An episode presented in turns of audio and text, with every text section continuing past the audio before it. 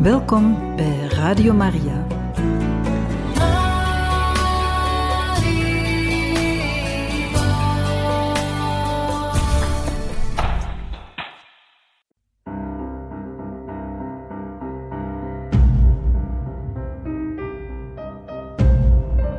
Het woord spreekt. Een programma van Radio Maria.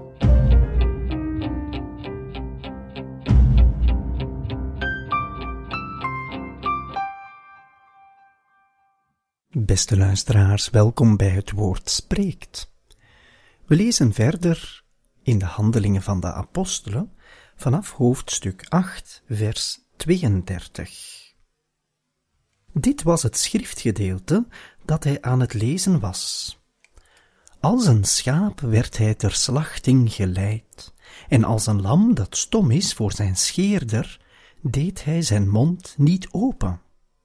In zijn vernedering werd zijn oordeel weggenomen. Wie zal zijn afkomst beschrijven, want van de aarde wordt zijn leven weggenomen. De eunuch richtte zich tot Filippus. Mijn vraag is over wie de profeet dit zegt, over zichzelf of over iemand anders. Daarop begon Filippus te spreken en bracht hem met dit schriftgedeelte als uitgangspunt de goede boodschap van Jezus. Toen ze hun weg vervolgden, kwamen ze bij water. De eunuch zei, kijk, water, wat is er tegen dat ik gedoopt word? Hij liet de wagen stilhouden en beiden gingen ze het water in, Filippus en de eunuch, en hij doopte hem. Toen ze uit het water kwamen, nam de geest van de Heer Filippus ineens weg. De eunuch zag hem niet meer, hij vervolgde zijn weg met vreugde. Filippus bevond zich in Azotus. Hij trok rond en verkondigde in alle steden de goede boodschap, tot in Caesarea toe.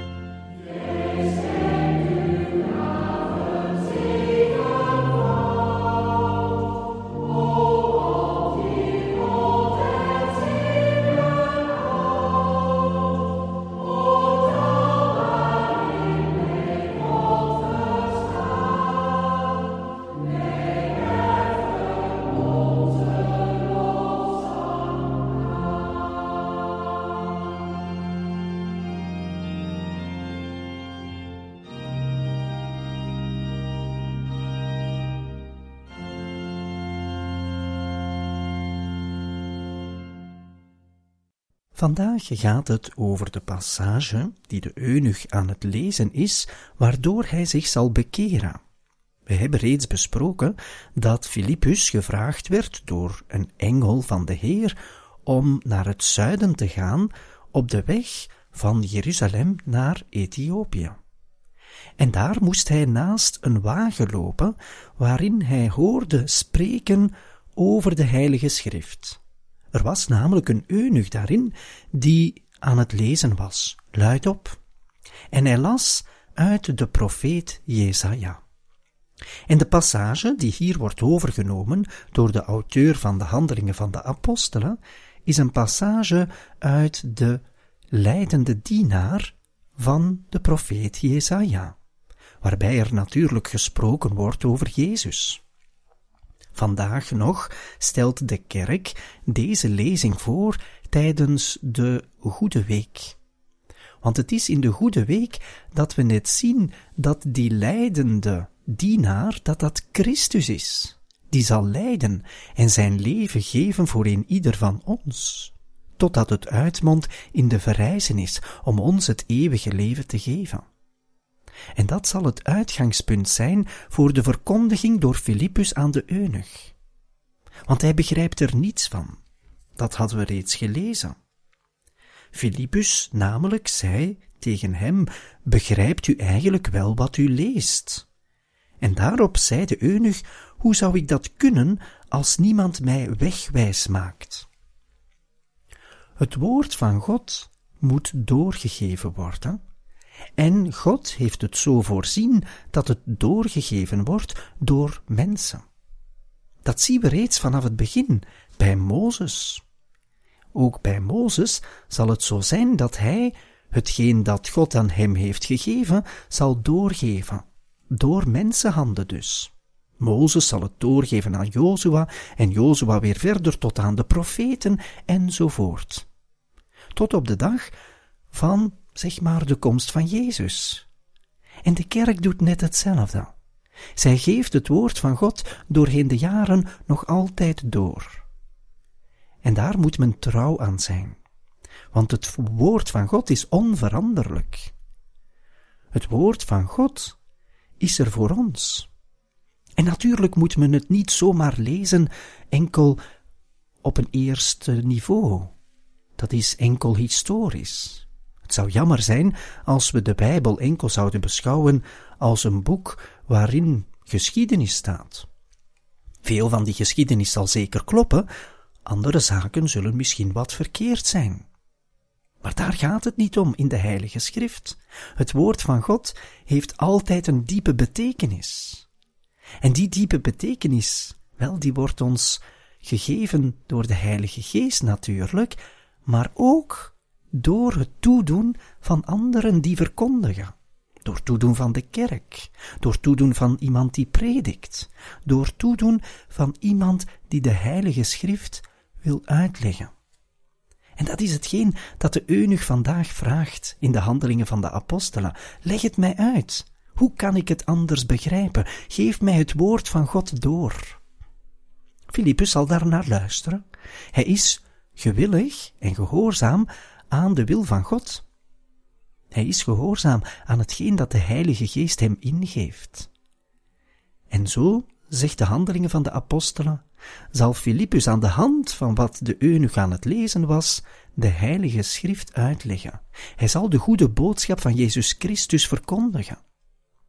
En natuurlijk in de leidende dienaar, hoofdstuk 53 van het boek Jesaja, zien we een Jezus die lijdt. En de eunuch stelt zelfs de vraag, over wie heeft de profeet Jesaja het? Heeft hij het over zichzelf of over iemand anders? Wij weten vandaag dat het over iemand anders gaat, en de eunuch zal het ook weten, omdat Filippus het zal uitleggen. Het is Jezus Christus die onze zonden op zich heeft genomen, die voor onze zonde heeft geleden, is gestorven, maar dat alles heeft vergeven en ons meetrekt naar het leven, als we Hem willen volgen, als we volledig van Jezus willen zijn. De eunuch zal dat begrijpen en hij zal zelfs vragen om gedoopt te worden. We moeten in die eunuch echt het verlangen zien dat iedere mens zou moeten hebben.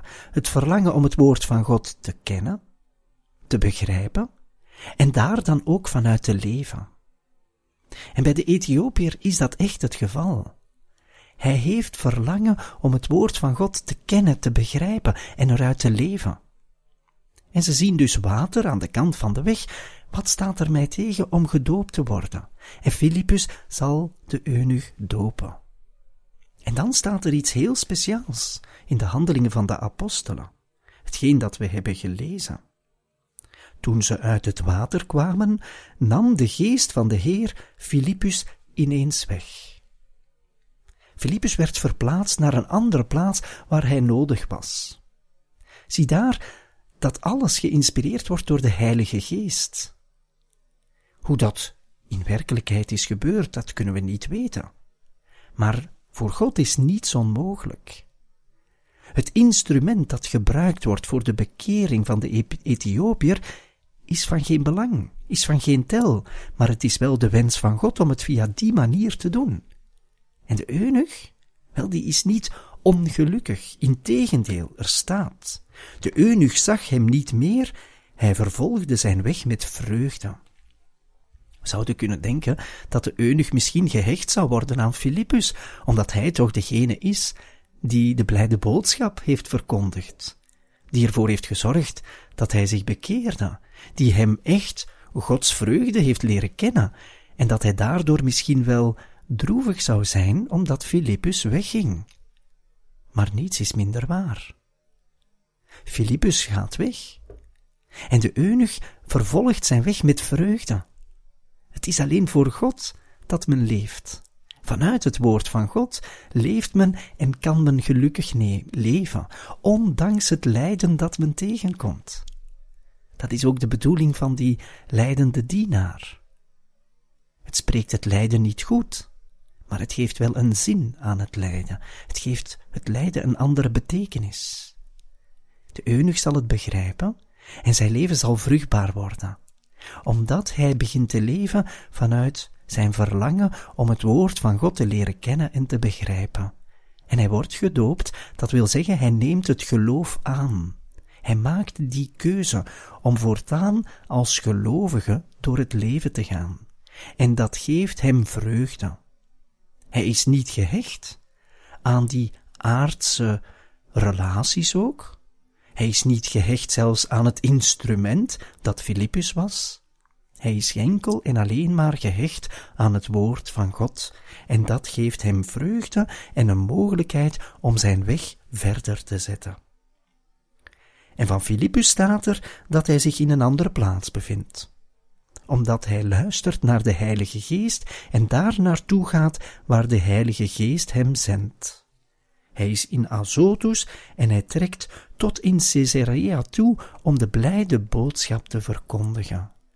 Hij blijft Jezus Christus volgen en verkondigen als een instrument.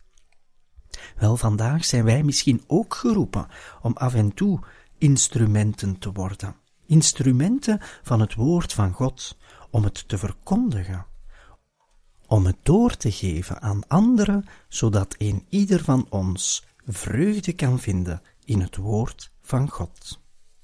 En zo hebben we vandaag gelezen in de Handelingen van de Apostelen, hoofdstuk 8, versen 32 tot en met 40.